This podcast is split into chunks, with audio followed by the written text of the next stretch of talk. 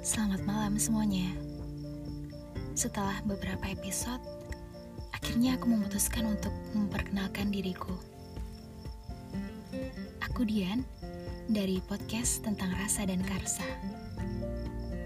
Podcast ini akan menjadi tempat untuk berbagi rasa dan karsa dariku dan juga titipan dari sahabat-sahabat.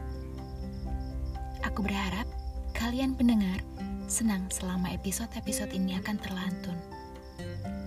Selamat mendengarkan.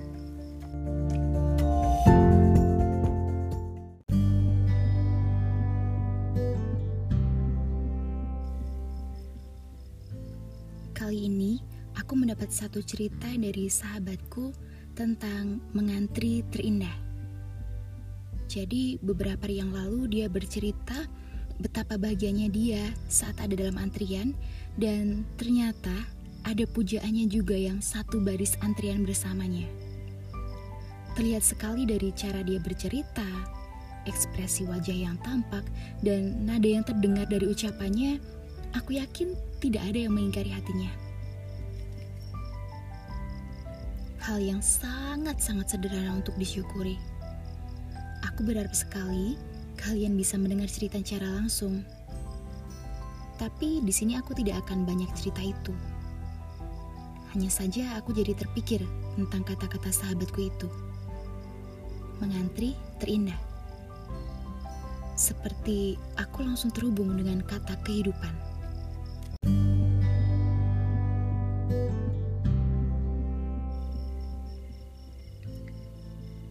Kita hidup saat ini bisa dibilang ya sedang mengantri. Mengantri pada tujuan akhir kita, kembali pada Sang Esa.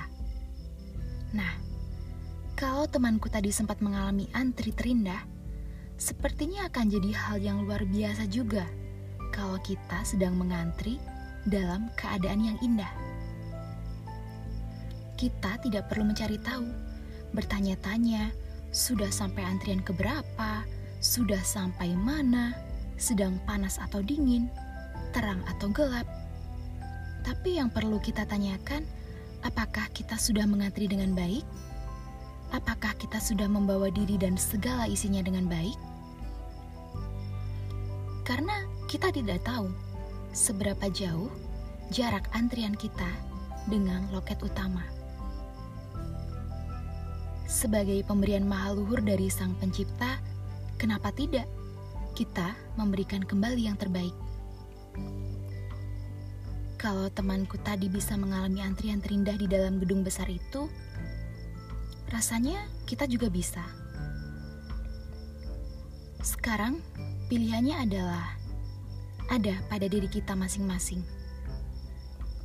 Mau juga untuk merasakan antrian terindah, atau malah tidak peduli. Ya sudah, jalani saja. Namanya juga hidup, namanya juga manusia, banyak salahnya.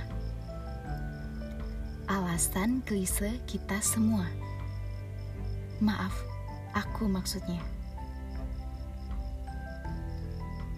Oke, itu saja sedikit cerita dari temanku yang membuatku jadi terkoneksi dengan hidup, kehidupan, dan tujuan akhir. Selamat merenung.